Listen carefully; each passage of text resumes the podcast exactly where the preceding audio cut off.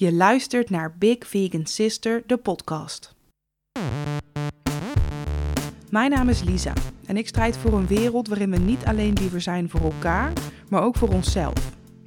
Met deze podcast ben ik er voor iedereen die een positief verschil wil maken in deze wereld, maar geen idee heeft waar te beginnen.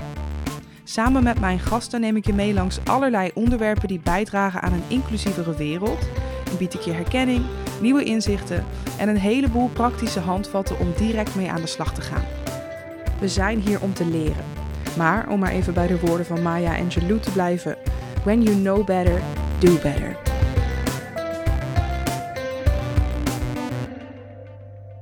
Welkom bij een nieuwe aflevering van Big Vegan Sister, de podcast.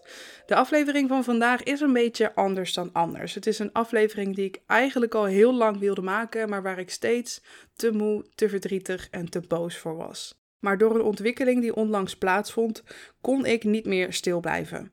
Op 18 juni maakte de overheid namelijk bekend veel coronamaatregelen los te gaan laten, veel sneller dan oorspronkelijk gepland. Vanaf 26 juni, dus dat is de dag waarop we deze aflevering opnemen, komen de beperkingen op het thuisbezoek en groepsvorming te vervallen. Wat betekent dat er geen beperkingen meer gelden voor het aantal bezoekers dat mensen thuis mogen ontvangen. De mondkapjesplicht vervalt grotendeels, het thuiswerkadvies wordt versoepeld en alle evenementen die plaatsvinden in reguliere publieke plaatsen, dus denk aan horeca, bioscoop, beurzen, zijn vanaf 26 juni weer toegestaan. Voor veel mensen een reden voor feest, maar voor mensen die in de risicogroep vallen een regelrechte ramp. Vooral omdat een groot deel van Nederland, inclusief sommige risicogroepers, nog niet volledig zijn gevaccineerd, wat gevaarlijke situaties oplevert voor deze mensen. En ik ben zo iemand uit de risicogroep. Samen met talloze andere Nederlanders zit ik al sinds maart 2020 in zelfisolatie. En net als die landgenoten keek ik rijkhalsend uit naar het moment waarop iedereen die wilde volledig gevaccineerd zou zijn, zodat ik ook weer af en toe de deur uit zou kunnen op een enigszins veilige manier. Alleen door de keuzes van de overheid wordt dat moment nu weggenomen. En we weten niet zeker of dat moment nog wel gaat komen. Meer dan genoeg aanleiding voor een gesprek dus. Precies wat ik vandaag ga doen, samen met drie andere mensen die een vergelijkbare ervaring hebben als ik. We gaan in gesprek over hoe we het afgelopen coronajaar hebben ervaren, hoe het op dit moment met ons gaat en hoe we naar de toekomst kijken. Er wordt namelijk veel gesproken over terug naar normaal, maar wat is normaal? En is dat voor ons ooit normaal geweest? Wat willen we vasthouden van het afgelopen jaar en waar willen we juist niet meer naar terug? Waar rouwen we om? Wat vrezen we en wat hopen we? Ik hoop samen een klein beginnetje te kunnen maken aan het helen van de collectieve open wond die mensen uit de risicogroep ervaren. Een helingsproces voor en door de disabled community, waarbij ik niet-risicogroepers vooral uitnodig mee te luisteren. Want onze verhalen worden nog te weinig rechtstreeks uit onze monden gehoord. Dit gesprek is de eerste van sowieso twee ronde tafelgesprekken, uiteraard opgenomen op afstand.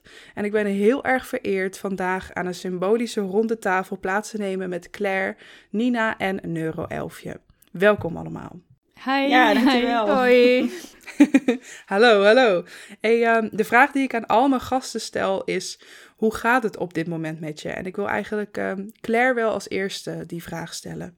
Um, ja, altijd lastige vraag, toch? Um, ik, het gaat op zich wel goed. het gaat wel stabiel, redelijk stabiel, denk ik. Um, het gaat wel goed, maar um, ik ben gewoon heel erg emotioneel de laatste tijd. En ik weet nooit zo goed wat ik daarmee aan moet. En ik moet een beetje mijn ritme vinden. vakken van de universiteit zijn afgelopen en ik weet niet zo goed wat ik moet doen. en ik zit een beetje in een soort tussenperiode, denk ik.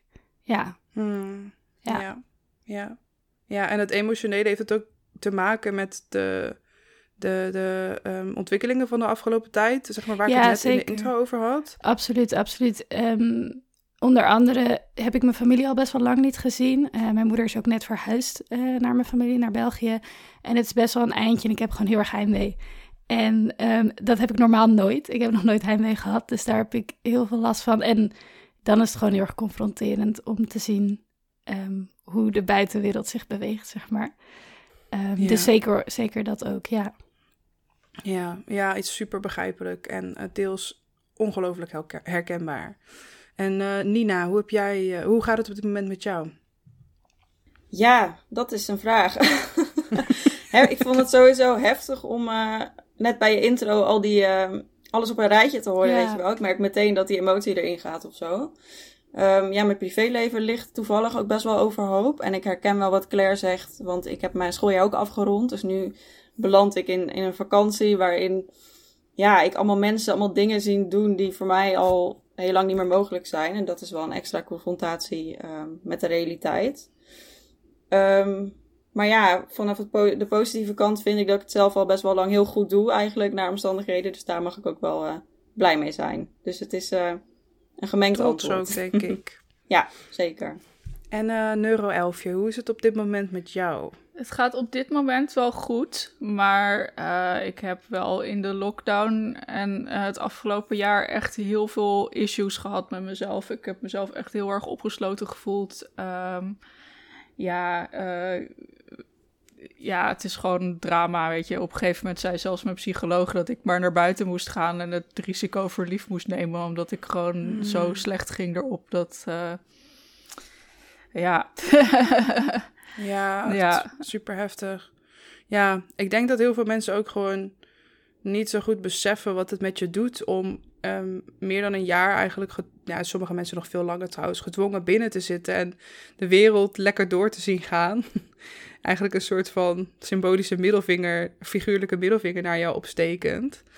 Um, ja, en dat, dan snap ik heel goed dat, ik weet niet of je dat hebt gedaan, maar dat sommige mensen ook zeggen, nou ja, weet je wat, ik neem het risico voor lief, want mijn mentale gezondheid gaat hier ook echt helemaal aan onderdoor. Want dat is ook iets wat vaak nog vergeten wordt. Dat mentale gezondheid net zo belangrijk is als je fysieke gezondheid. Ja, ik, uh, ik ben uiteindelijk wel heel voorzichtig. Uh, eens in de twee weken of zo dat ik echt een dagje uitging. En natuurlijk wel nog steeds heel voorzichtig. En uh, op een punt dat de treinen niet druk zijn in de leegste coupé gaan zitten en afstand houden van iedereen, een mondkapje dragen. En dat was op zich wel heel fijn. En ik merkte wel dat ik dat heel erg nodig had. Maar ja. ja, het, is, het is alsnog een risico, weet je, ja. Ja, ja, ja, absoluut. Maar goed, ik snap het helemaal. Um, en um, om het eerst even wat luchtiger te beginnen. Ik vraag me af, waar houden jullie je allemaal op dit moment uh, mee bezig? Neuroelfje bijvoorbeeld. Uh, ja, ik werk fulltime uh, thuis. Want corona.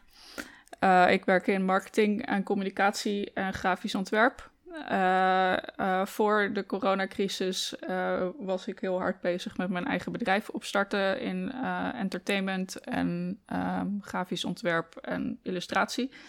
Maar toen kwam de coronacrisis en toen viel het entertainment gedeelte helemaal weg. En um, vlak daarna werd ik ook ziek. Nou ja, ik was al ziek, maar ze kwamen er eindelijk achter dat ik ziek was. En toen heb ik eigenlijk gewoon heel veel tijd besteed aan ziek zijn en ruzie maken met zorgverzekeraars en binnen blijven. Dus uh, uh, ja, de laatste tijd uh, staat het allemaal op een wat lager pitje. En daarom ben ik ook mijn Instagram-account en later mijn blog begonnen, zodat ik iets had om me op af te reageren. Ja, ja want kan je iets meer vertellen over, over wat jij doet op jouw Instagram-account en ook met je blog? Um, nou ja, ik, uh, het viel mij op dat uh, in Amerika zijn er heel veel disability-activisten en ook voornamelijk gericht op neurodiversiteit, op autisme en ADHD en andere psychische aandoeningen. Um, en in Nederland was dat gewoon nog niet zo. En ik merkte ook dat in Facebookgroepen en zo en communities uh, voor autisten, dat dat gewoon nog niet een ding was. En ik merkte daar gewoon heel veel geïnternaliseerd validisme en uh, weet je, gewoon problematische dingen. En er was gewoon een soort gat. En ja, ik voelde me toch wel geroepen om, om daar iets in op te vullen en iets mee te doen. En uh, ik heb ook heel veel kennis erover en die wilde ik graag met andere mensen delen. En uh, ik moet zeggen dat ik de respons echt heel erg mooi vind tot nu toe. En uh, ja, het geeft me heel veel energie en daarom wil ik er heel graag ook mee verder gaan. En inmiddels zijn er ook meerdere activisten en we werken ook vaak samen. En dat is heel. ik heb echt het idee dat ik een pionier ben in iets uh, heel belangrijks opzetten. Ja, absoluut, absoluut. Ja, echt heel erg gaaf. Ik heb al zoveel geleerd van je, van je account. Ja, zeker. Ik, ik heb, ik, ja, ja, cool, cool. Mm. Ik, uh, ik verdiepte me al wel langer in alles neurodiversiteit, dus ook autisme. Ehm, en dan, maar dat was altijd op Engelse platforms. Ja. En het is zo fijn om, uh, om nu dat ook uh, ja, in Nederland te hebben eigenlijk. Ja, het, het, maakt het ook gewoon minder toegankelijk in het Engels. Weet je, ik, mm -hmm. ik spreek even goed Engels als Nederlands. Ik heb Engels gestudeerd, dus uh, voor mij maakt het niet uit. Maar dat is niet voor iedereen zo natuurlijk. Dus ja, ik vind het heel belangrijk dat het ook in het Nederlands beschikbaar is. Ja, ja, ja. Ja, supergoed. En uh, Claire, wat doe jij zoal uh, op het moment? Um, ja, echt van alles wat. Ik lees vooral heel veel. Um, ik heb een leeslijst voor mezelf opgesteld, omdat ik anders niet weet wat ik moet doen. Dus ik maak dan gewoon mijn eigen syllabus voor de zomervakantie. En dan um, heb ik allemaal artikelen die ik graag wil lezen en waar ik soort van mm, ja, over na wil denken en allerlei onderwerpen. En hier en daar wat kleine projectjes lopen, onder andere van uh, uit de Floor Academy bijvoorbeeld, uh, waar ik vrijwilliger ben. Um, ja, en verder vooral ook even niks. Ik, ik ben er niet zo goed in. Um, maar ik heb nu echt, echt, ik word nu wel een beetje gedwongen om niks te doen. Um, ook omdat ik niks echt heb lopen, zeg maar. Um, geen grote projecten of geen, geen vakken en zo. Dus ik kan nu ook gewoon series kijken en gewoon in bed liggen en gewoon muziek luisteren en gewoon even zijn. En niet per se, ja, heel veel druk of zo. Dat is zo belangrijk. Ja. Dat is echt, echt. super belangrijk. Ja. Ja, want ik stel deze vraag en ik stel hem expres zo breed. Want ik bedoel niet alleen maar te vragen naar wat doe je voor werk. Ik vind dat sowieso een vervelende vraag, want niet iedereen doet werk of kan werk doen. En dat is niet de enige vorm van waarde toevoegen aan deze maatschappij, hoewel heel veel mensen er wel op die manier naar kijken. Dus uh, ja, ik ben ook groot voorstander voor vooral zijn en rust pakken en ook Precies. doen wat je leuk vindt. Ja. En uh, Nina, wat doe jij zoal? Ja, bestaan dus. ja, ik had. Uh, um, ik studeer social work en daar ging uh, een heel groot gedeelte van mijn energie en dus ook tijd naartoe eigenlijk. School en rusten. Um, en daarnaast um, ben ik op school onderdeel van een actiegroep. waarmee we dus ook wel ja, validisme bestrijden, racisme, dat soort dingen aankaarten binnen de school. dus dat vind ik allebei super leuk om te doen. Um, nu heb ik vakantie, dus nu moet ik het opeens weer zelf invullen. Um, en ik zie ook wel mensen uh, ondertussen, um, wat een moeilijke keuze is geweest voor mij, maar toch wel nodig mentaal. en voor de rest, ja, ik hou nog steeds heel erg van bakken en dat kan gelukkig heel goed thuis. Uh, series kijken, rusten, dat soort dingen. Ja, ik, uh, ik heb zo'n groot voorrecht dat ik al, dus sinds vorig jaar maart, ik zit wel in zelfisolatie, maar wel met een partner. En met een heel lief hondje. En ik heb een tuin. Dus dat zijn allemaal gewoon supergrote voorrechten. Maar ik snap het heel goed dat je na zo lang echt belachelijke behoefte hebt uh, om, uh, om mensen te zien. Dat snap ik super goed. Ja. Uh, en als we het even um, gaan hebben over waar we het over gaan hebben. Um, hoe, hoe voelde dat voor jullie, dat nieuws rond die versnelde versoepelingen? Want ik weet, ik zelf, ik was helemaal van de kaart ervan. Gewoon, ik hoorde dat nieuws en ik dacht: wat? Nu al zo snel, zoveel mensen nog niet ingeënt. Um, ik krijg op uh, morgen 27 juni pas mijn eerste prik. Want mijn dokter vond wat ik heb niet ernstig genoeg om uh, vervroegd een vaccinatie te krijgen. Drie keer geprobeerd, drie keer afgewezen. Um, en nu gaat de dag voordat ik mijn eerste prik krijg, gaat ineens heel Nederland weer open. En Waar ik letterlijk naar uitkeek was dat ik weer een keer naar de supermarkt zou kunnen. Of dat ik naar de toko zou kunnen. En dan zie ik allemaal mensen om me heen gaan op vakantie. Ik zie ineens weer allemaal feestjes. Mensen dicht op elkaar. Dat ik echt denk van... Wow.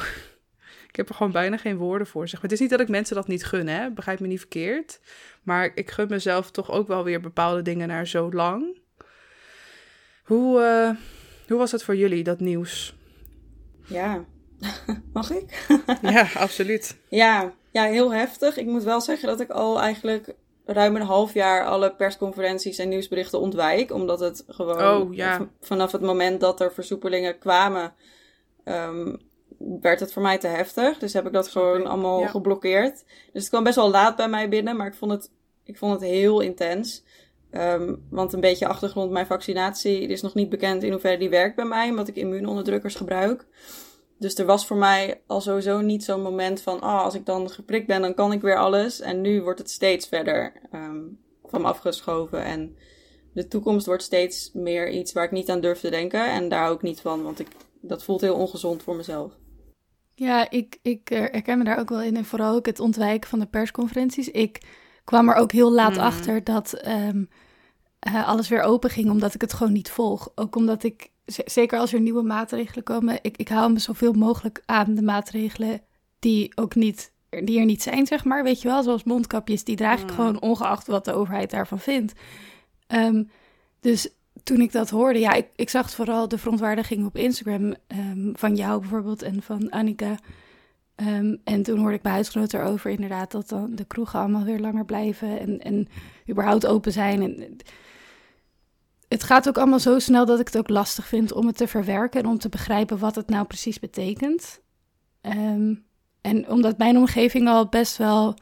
Mijn omgeving is niet heel erg streng in, in maatregelen of, of niet heel erg uitgesproken voor de maatregelen. Dus dingen zoals feestjes en zo, daar hoorde ik al, al van, ongeacht of dat mocht van de overheid of niet. Dus het, zat, ja, het zit sowieso gewoon dwars, denk ik. En ik moet het gewoon nog soort van. Het moet nog binnenkomen of zo. Ja. Het is zo onwerkelijk ook. Ik vind het heel onwerkelijk dat um, dat soort keuzes worden gemaakt. Ja, ja. Ja, ik herken dat ook heel erg. Dat het, het is gewoon te groot of zo. En ik bedoel, ik, ik praat hier nu met jullie over en ik, ik riedel zo dit hele intro af, maar ik moet dan ook echt mijn gevoel uitzetten. Want als ik al mijn gevoel hierover toelaat, dan weet ik niet hoe ik de dag verder nog door moet komen, zeg maar. Nee, precies. Dus het is ook gewoon, ja, kiezen wat laat je toe. En dat kan je natuurlijk niet altijd kiezen, hè. Maar zo, ja, ik scherm me toch wel voor heel veel af, merk ik. En ik herken ook wat jullie zeggen. Ik heb ook heel veel um, persconferenties gewoon niet meer gevolgd. Weet je wel, vorig jaar aan het begin keek ik iedere keer. En toen op een gegeven moment dacht ik, werd er alleen maar boos van. Ik werd sowieso wel boos als ik Rutte en, de, en uh, Hugo de Jong zie. Ja, toen dacht ik, ja, waarom kijk ik eigenlijk nog? Want ik ga iedere keer naar de tv schreeuwen. Dus daar ben ik toen mee gestopt. En het was nu dat ik, eh, mijn partner Randy, die houdt wel het nieuws in de gaten. En als er belangrijke dingen zijn, dan geeft hij dat aan mij door. En zo kwam ik er dus achter en ik was echt gewoon compleet flabbergasted. Ik dacht, wat? Nu al zoveel? Wat? Ik voelde me gewoon ook echt compleet genaaid. Dacht ik aan alle andere mensen die gewoon... Ik bedoel, ik zit, ik zit al heel lang in zelfisolatie, maar ik kan heel af en toe nog iemand zien. Ik kan zo heel af en toe eens naar mijn ouders toe. Er zijn mensen die gewoon letterlijk niemand zien. Helemaal niemand. Die het nog veel zwaarder hebben. Maar um, voor ik te veel doorratel, neuro-elfje, hoe was het voor jou, dat nieuws? Ja, nou, ik moet zeggen, ik, ik, ik heb al één prik gehad en ik krijg volgende week mijn tweede prik. En, en daar ben ik wel heel blij om. Ik heb zelf, uh, voor zover ik weet, geen auto-immuunproblemen. Uh, dus dat is heel erg fijn. Uh, maar ik vind het ook te vroeg. Ik, ik schrok ook heel erg.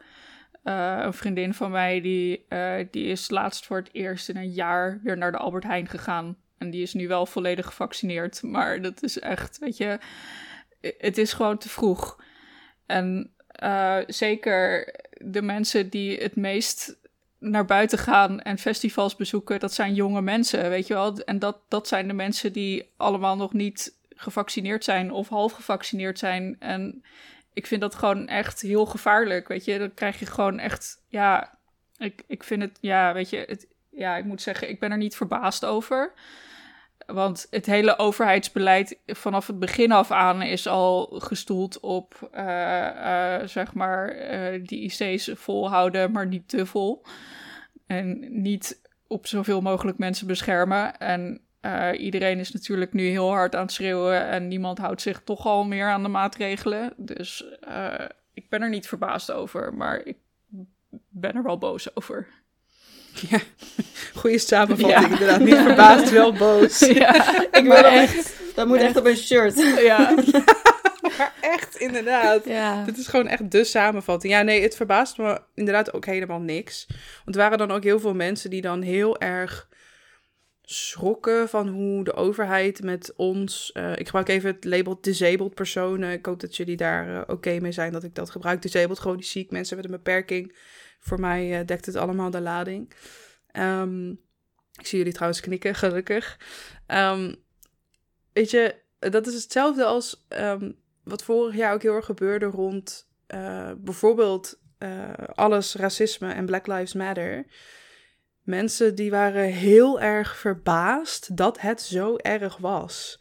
Ja, nee, deze, deze pandemie die heeft dingen wel toch versterkt. En maar het heeft helemaal niks versterkt. Het heeft het alleen maar blootgelegd. Dat. Onderdrukkende systemen die er altijd al waren, zijn blootgelegd. Nu, weet je, ik denk dat heel veel mensen nog steeds niet goed bevatten hoe validistisch het beleid is dat de overheid voert. Maar dat validisme was er altijd al. Disabled mensen zijn altijd al een afterthought geweest. Um, soms niet eens een afterthought, soms gewoon een non-existent thought. Precies. Um, ja, maar dat maakt bloot ook, te liggen. Dat maakt ook, zeg maar, dat doet persoonlijk doet dat bij mij nog meer pijn. Het feit dat mensen zo geschokt zijn of verbaasd zijn. Oh, en natuurlijk, ik ben wel geschokt over het feit dat het gebeurt. Maar ik ben niet verbaasd, want we hebben gezien hoe de overheid überhaupt de afgelopen honderden jaren zeg maar, met mensen omgaat. Zeker het afgelopen jaar. Ja. Weet je, het, het, is niet raar. Het is ook niet um, out of the ordinary of zo dat dit gebeurt. Alleen het is gewoon, ja, en daarom doet het heel erg pijn als mensen heel erg verbaasd gaan reageren. Want dat, dat laat ook zien dat dat mensen zijn die daar nog nooit bij stil hebben gestaan. Of nog nooit over na hebben gedacht. Of helemaal daar helemaal geen ervaring mee hebben. denken ook. Dat, ja. ja. Ja. ja. Ja, en ik bedoel, prijs je gelukkig als je er niet mee te maken hebt hoeven hebben, zeg maar. Maar toch voelt het dan wrang dat mensen zo geschokt reageren door bepaalde dingen die voor ons de normaalste zaak van de wereld zijn geworden. Ja. Niet dat ze normaal zouden moeten zijn, maar inmiddels wel geworden. Ja. En um, als ik, dat is een hele grote vraag die ik nu ga stellen hoor, maar ik ben benieuwd hoe, hoe jullie überhaupt het afgelopen jaar hebben ervaren als disabled persoon of als chronisch ziek persoon, of hoe je jezelf dan ook identificeert. Wie weet ook nog vermengd, in mijn geval in ieder geval met neurodiversiteit.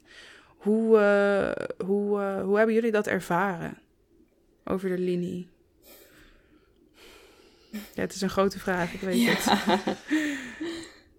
ja, um, zeker een hele grote vraag.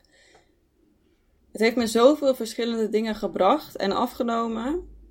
Um, ik, ben, ik ben een stuk radicaler geworden, dat sowieso. In mijn ideeën en standpunten en hoe ik onderdrukking zie en ervaar. Um, maar ik heb ook zulke bizarre, wisselende dingen meegemaakt. Ik heb nieuwe vrienden gemaakt die ik nog steeds niet heb gezien. Wat hele rare dingen zijn die je niet verwacht mee te maken of zo. Gewoon vrienden die één stad verderop leven, wonen. Maar ik wil niet met het OV, dus ik kan ze niet zien. Of ze werken in de supermarkt, dus ik kan ze niet zien. Het is heel raar. Um, ik kon voor het eerst kon ik al mijn lessen volgen op school, omdat ik ze online mocht volgen. Dat was een bizarre ervaring. Dat ik iedereen om mij heen hoorde klagen, want ze moesten online les hebben. En ik dacht eindelijk, wauw, dit is hoe het voelt om... Dit is hoe ik presteer. Niet, ik hou niet van dat woord, maar dit is hoe mijn leven is als ik al mijn lessen kan volgen, zeg maar. Ja, heel bizar. De, elke week, dag, minuut zijn, is gewoon een samenkomst van allemaal gemengde gevoelens en weer nieuwe dingen om te mhm. verwerken. Het was echt heel veel verwerken. Um, ik ga nog heel veel jaar moeten rouwen hierom, als we ooit al op een punt komen dat het voorbij is. Ja, ja op die rouw kom ik straks nog even bij je terug als je dat goed vindt. Ja. Um, Neuroelfje, hoe was het bijvoorbeeld voor jou het afgelopen jaar? Um, nou ja, ik heb in uh, september 2019 mijn autisme-diagnose gekregen. En redelijk vlak daarna uh, barstte de, de crisis los. En uh, ik ben toen in januari begonnen met een traineeship. En um, ik moet zeggen dat die coronacrisis en het thuiswerken, dat deed zoveel goeds voor mijn prikkels. Dat ik gewoon echt vorig jaar als een speer ben gegaan en ineens een carrière heb opgebouwd na vijf gefaalde studies en uh, weet ik veel wat. Alleen toen eind vorig jaar, toen uh, uh, ging ik naar de uh, huisarts met wat problemen met mijn handen. En toen drie weken later stond ik op de operatiekamer. En dus en, ja, toen, toen zijn er een aantal dingen misgegaan. Ik heb een beschadigde zenuw daaraan overgehouden. Dus ik heb echt ontiegelijk veel pijn gehad en bijna niks meer kunnen doen. Uh, toen bleek ik ook nog eens uh, uh, EDS te hebben. Dus mijn hele lichaam is een wrak en niet alleen mijn handen. Mijn handen zijn wel het ergst. Maar ja, ik, ik, kon dus ook niet meer mijn, mijn passie uitvoeren. En we zaten toen midden in een lockdown. Ik had heel veel pijn. En ja, weet je, mijn, mijn speciale interesse is tekenen en kunst. En dat is het altijd al geweest. En dat is ook wat ik doe als ik thuis ben. Weet je, ik ben altijd met mijn handen bezig. En ik kon gewoon niks meer met mijn handen. En ik ben zo depressief geworden daarvan. En intussen, weet je, heel veel vrienden van mij zie ik dan gewoon feesten en naar buiten gaan. En ja, ja het was heel heftig. Oh, ik, uh, ik heb gewoon even geen woorden ervoor. Dit is zoveel onbeschrijfelijke pijn, eigenlijk. Het is gewoon bijna niet in woorden te vatten. Ja. Ja, en weet je, met het thuiszitten heb ik op zich niet zoveel problemen. Maar het thuiszitten en niet kunnen tekenen, ja, niet dat... Kunnen Precies. Het niet kunnen doen wat je het allerliefste doet. En wat je ook gewoon nodig hebt voor, voor een fijn, fijn leven. Die uitlaatklep, denk ik. Kan ik iets voor je doen op dit moment? Nee, komt wel goed hoor. Het, uh, het gaat nu weer de goede kant op. En uh, de zenuwen gaan het herstellen. Dus ik heb niet zoveel pijn meer. En ik uh, heb antidepressiva die hun werk doen. Dus dat is, uh, dat is al uh, beter. Maar het is echt een, uh, een heftige tijd geweest. Oh, ik ga ja. zo ook, joh. Ah, Oké, okay. waar was ik überhaupt? Um, wie heb ik die, deze vraag nog niet gesteld? Volgens mij mij, maar ik, weet niet, meer, ik weet niet meer wat de vraag was. oh, oké. Okay. Um, oh, liefde voor jullie allemaal. en terug. En, maar dat vind ik ook zo lastig. Zeg maar, we gaan allemaal door vergelijkbare situaties, maar we zijn allemaal zo ver weg. Weet je, het is niet alsof we met z'n allen in een soort cripcamp formatie zitten, dat we elkaar allemaal, zeg maar, kunnen helpen en, en kunnen bijstaan, zeg maar. Ja. Ja, precies. Ja, want dat, dat vind ik dus ook aan de ene kant zo mooi aan de disability community, community en de andere kant zo tragisch. Want we vormen echt een soort wereld aan zich. Soms zie ik het echt als een soort aparte kosmos waarin we gewoon samen zijn, ook al is het niet fysiek. En waarin we heel goed vaak aanvoelen of aan kunnen geven wat we van elkaar nodig hebben. Misschien kunnen we niet altijd die ondersteuning of hulp bieden, maar in gedachten zijn we altijd bij elkaar, omdat we zeg maar de, de, de kleinste nuances van elkaar vaak gewoon goed begrijpen of in ieder geval aannemen. Dus dat, daardoor voel ik mezelf zoveel minder alleen. Alleen, um, jullie zijn zo ver weg vaak, letterlijk als je het fysiek mhm. bekijkt. En um, wat mij ook bijvoorbeeld het afgelopen jaar heel veel pijn heeft gedaan, is, weet je wel, er zat al zoveel kennis bij disabled mensen. Ik bedoel, als we het bijvoorbeeld even gaan hebben over crip skills. Mocht je niet weten wat crip skills zijn, dat zijn vaardigheden die bijvoorbeeld disabled mensen zich heel erg eigen hebben gemaakt, juist vanwege hun disability. Gewoon belangrijke, belangrijke vaardigheden eigenlijk. En dat kan al zijn dat je um, op een fijne manier hulp kan bieden aan elkaar, community care, allerlei verschillende dingen die daaronder vallen. En er werd gewoon totaal geen gehoor aangegeven. Er werd niet naar geluisterd, er werd niet naar gevraagd, er werd niet. En ik snap dat sommige mensen niet weten hoeveel um, waardevolle kennis er schuilt in disabled communities. Want mensen met een beperking worden toch vaak nog een beetje weggezet als lesser than. Maar ook gewoon, weet je, alle kennis is hier. Vraag aan ons hoe je dit jaar door moet komen. En we vertellen het je. Alleen, er was gewoon, ook al vertelden we het, er luisterde gewoon niemand voor mijn gevoel. Is dat iets wat jullie herkennen? Ja, zeker. En het is zeker ehm, zeker vooral het geklagen over thuiszitten, zeg maar. Ja, weet je, ik begrijp het. Ik begrijp en het, dan ook een verloren jaar noemen. Dat, ja. dat. En ik, ik begrijp het ook wel. Ik bedoel, ik, ik, voor mij was het toen ik voor het eerst heel lang thuis zat, was het ook gewoon confronterend. Maar uh, vanwege uh, ziekte. Alleen, ja, je leert er gewoon mee omgaan. En je leert er ook heel veel, wat je ook noemt, je, je leert er heel veel skills van. Je leert er heel veel kennis uh, van. En dat heb ik ook heel veel gebruikt afgelopen jaar, of zoals ik normaal ook doe. Dus het, het thuiszitten was voor mij niet zo'n zo'n zeer een probleem. En ik vond het daarom ook heel confronterend om te zien dat andere mensen daar heel veel last mee hadden en dat elke keer maar moesten benadrukken. En dat steekt gewoon, ja. Ja. ja, ik merkte ook dat ik opeens ging terugverlangen naar dingen die ik eigenlijk fysiek al helemaal niet meer kan. Dat ik daarin meegesleurd werd of zo. Dat ik dacht, oh, straks dan kan ik weer een hele nacht feesten. En toen dacht ik, huh, maar ja. ik kan eigenlijk al jaren niet meer hele nachten feesten. Dus ik, ja, dat was uh, raar dat andere mensen daar zo rouwig om konden doen. En dat er nog steeds zo weinig ruimte was voor onze rouw of zo. Zo voelde het heel erg voor mij. Ja. Nou heb ik sowieso al het idee dat onze stemmen in het algemeen te weinig gehoord worden, ook in de activistische wereld. Weet je, heel veel demonstraties zijn gewoon niet toegankelijk. Uh, uh, weet je, ik, ik, ga nooit naar demonstraties, want ik trek het gewoon niet qua prikkels en ik heb een angststoornis en te veel mensen. Ik, ik zou het wel willen, maar het is gewoon niet, niet toegankelijk voor mij. Doable, ja. en ik vind het ook echt verbazingwekkend. Nou, eigenlijk vind ik het niet verbazingwekkend dat er geen uh, socioloog, geen psycholoog en geen mensen uit de risicogroep in het OMT zitten.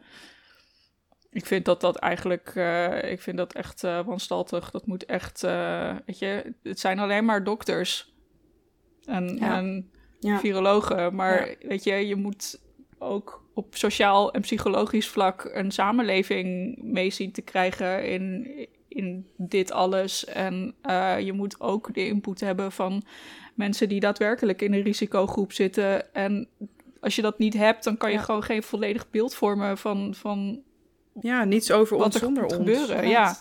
Ja, nee, ben ik volledig met je eens. Maar dat is, dat is wel gewoon heel tekenend over de positie van mensen met een beperking, chronisch zieke mensen, disabled mensen in onze maatschappij. Ja, maar het is ook gewoon vanuit een positie van privilege, weet je. Rutte, die is gewoon een witte man, weet je. En uh, die denkt daar nooit aan, die heeft er helemaal niet mee te maken. Dus uh, het komt niet in zijn hoofd op om zoiets te doen. Precies, precies. Alleen als je het mij vraagt, ik bedoel, ik kan heel veel over Rutte zeggen, dat ga ik nu even niet doen. maar als je, als je um, als een goede politicus moet je je ook enigszins in andere mensen kunnen verplaatsen, toch? Ja. ja. En ja. ook uh, in ieder geval aannemen wat andere mensen zeggen, maar dat doet hij niet. Nee. En ik vind dat gewoon echt. Doe, kijk maar naar de toeslagenaffaire. Oh, alsjeblieft zeg. oh, ik was Deze zo man, boos. Waarom, ja, ik ook. Waarom is hij nog niet afgetreden? Waarom? Ik stond dus ook op die zwarte lijst. Hè? Ik heb nooit volgens mij echt gezeik gehad met de Belastingdienst. Maar ik was, werd dus wel door hen gemonitord jarenlang. Zonder dat ik weet waarom. What the fuck. Wauw, wauw, wauw. Ik kreeg alleen gewoon een briefje met sorry, sorry, je stond op de zwarte lijst en we weten niet waarom. En het kan nog wel een paar jaar duren voordat we erachter komen. Echt zo'n brief. Ik wil echt, ik was zo boos. Yo, wat? Ja, kan toch gewoon niet? Ja, ik heb zeg maar in mijn vocabulaire niet de, de juiste woorden om uit te drukken hoeveel walging ik voel Nee, ik de hele... Ja, maar ik vind het oprecht wel heel lastig om niet, eh, sowieso wel een valkuil van me, om niet cynisch te worden en verbitterd. Omdat Ja. ik weet dat ik daar zelf niks aan heb en dat de community daar ook niks aan heeft. Maar ik heb nog geen eh lifehack gevonden die me daarvoor beschermt, zeg maar. Ik merk het echt heel sterk. Ik vind dat heel moeilijk. Ja. Ja, hoe is dat voor jullie, Claire en Euro Elfje? Ja, ik herken dat wel. Ik, ik ben ook zeg maar best wel opgegroeid in een gezin waarbij ehm, er niet heel veel vertrouwen was in de overheid. Sowieso al niet. Ehm, dus zeg maar, en, en dat was voor mij dan ook confronterend dat mijn vader, die dat dus blijkbaar wel had, er tijdens corona pas achter kwam dat er allemaal misstanden zijn in de samenleving, die nu misschien aan het licht komen voor sommige mensen, maar die al lang spelen. Ehm, dus ja, zeker in het begin ook. Ehm, toen al die maatregelen kwamen, of toen zij er eindelijk kwamen. ehm, toen had ik ook al zoiets van, ja, weet je, zijn we nou echt verbaasd bij, voor, om, de, om de manier waarop het nu gaat, zeg maar? Is het nou echt zo eh, raar? Alleen, dat klopt inderdaad wat Nina zegt. Dan ga je dus ook heel cynisch worden. Of dan ga je ook heel erg worden zo van, nou, had ik toch al verwacht. En dan ga je zelf ook niet meer de hoop houden ehm, van dat je er nog iets aan kan doen. Ehm, dus dat vind ik ook heel lastig. En ik merk wel dat door de juiste mensen te volgen op Instagram, op sociale media, dat dat heel veel helpt. Want het geeft ook heel veel hoop. Ehm, een bepaalde groepen mensen die dan toch heel veel, zelf heel veel hoop hebben of toch bepaalde dingen proberen en dat het lukt. En ja, helaas denk ik dat ook dat het ja, dat de kleine stapjes, de kleine wins, zeg maar, hoe hoe vervelend het ook is dat we daar al zeg maar blij mee moeten zijn. Ik denk dat als we daar alsnog blij mee zijn, dat het toch wel een beetje helpt om, om niet te cynisch te worden. Ja. Ik vind jou ook heel hoopgevend om te volgen hoor, Claire. Ik de, bijvoorbeeld als je. Ja, niet zo verbaasd kijken. Nee, als jij oh. gewoon dan zo'n post hebt van. Uh, ik heb lekker eten gemaakt en je moet jezelf dat gunnen en je mag de tijd daarvoor nemen. Dan denk ik, ja, dat ga ik vandaag doen. Dat is fijn. Gewoon liefde aan mezelf. En dan is dat oh, echt weer even zo'n zo'n sprankje hoop op de tijdlijn of zo. Oh. Ja, eens. Helemaal eens. eens. Soms is het ook fijn om om heel even bewust weg te blijven bij het hele grote systemische en gewoon even naar jezelf te kijken en te denken: wat heb ik vandaag nodig? En dan, dan sluit je maar even af voor alles en dan leven we maar heel even in, in blissful ignorance. Ehm, maar soms is dat gewoon even nodig. Daar hebben we ook recht op, vind ik. Ja, ik heb daar zelf wel moeite mee, maar ik, uh, probeer het uh, te leren. ja, ja, ik wil niet zeggen dat het makkelijk is, inderdaad. Nee, ja, ook vanwege wat ik doe, krijg ik gewoon echt elke dag krijg ik berichten van mensen die, die om hulp vragen. En ik vind dat mm. echt soms hartverscheurend, weet je. En ik kan dat ook gewoon niet negeren. En ik, ik, vind het, ik vind het moeilijk om dan mijn telefoon uit te zetten of te zeggen van, yo, ik heb hier nu even geen, geen energie voor. Maar ja, weet je, ik wil gewoon iedereen helpen, maar dat kan ik echt gewoon niet doen. En ik moet ook mezelf helpen, af en toe. Ja, ja maar dat is natuurlijk wel een stuk moeilijker als je letterlijk, zeg maar, uh, roepen om hulp in jouw inbox krijgt. Ja, die krijg ik elke dag. Oh, en heftig. heel heftig. Mag ik daar vragen, helpt, zeg maar, speelt het ook een rol... Ik weet niet of je alleen woont, maar dat je alleen woont, zeg maar. Want ik, ik herken, ik heb zeg maar heel erg van als je samenwoont of mensen om je heen hebt die je nog accountable kunnen houden van hey, je zorgt niet voor jezelf, dat helpt. Maar als je dus alleen bent, dan ligt, heb je alleen maar die druk van alle dingen die je nog moet doen of dingen die, zeg maar, ja, die druk van dingen die op je liggen, zeg maar. Ja, ja ik, uh, ik woon samen met, uh, met mijn partner. Dus dat, uh, dat vind ik wel heel fijn. Uh, hij werkt zelfs in de gehandicaptenzorg. Dus hij weet ook wel, hij ken, we kennen elkaar heel goed. En hij weet ook wel wanneer het niet goed met me gaat. Maar hij heeft er soms ook wel moeite mee hoor. Met, met ermee omgaan. Zeker toen ik in die depressie zat. Weet je, ik, ja. ik gewoon niks meer. Ik lag alleen nog maar op de bank. Ja, wat moet je daar dan aan doen? Het enige wat ik op de bank, wat ik deed was op de bank liggen en boos zijn. ja, dat is ook echt moeilijk. Ook als partner van. Ja. Het doet ook pijn om, om, om je partner, zeg maar degene waar je zoveel van houdt, ook zo te zien. Ja. En waarschijnlijk voel je jezelf dan ook kei machteloos. Ja. En um, uh, Neuroelfje, hoe is het voor jou? Heb je het idee dat je zelf cynischer bent geworden bijvoorbeeld afgelopen jaar? Of is het iets waar je voor probeert te waken? Of? Ja, ik ben wel echt heel veel uh, cynischer geworden. Ik, ik, laat dingen minder, lang, minder snel langs me heen glijden. Dat deed ik eerst altijd wel, ook omdat ik gewoon een beetje een people pleaser ben. Maar uh, weet je, ik zat een tijdje terug uh, uh, wel redelijk in een spirituele community. En nou was ik daar al een beetje afgestapt, omdat het gewoon echt ziekelijk problematisch is. Gewoon echt, echt... Ik heb er een hele aflevering over Ja, maar tijdens de coronacrisis is iedereen die ik daarvan ken, ook gewoon mensen met wie ik nog steeds heel goed bevriend waren, die zijn allemaal in het complotkonijnenhol gevallen. Echt allemaal.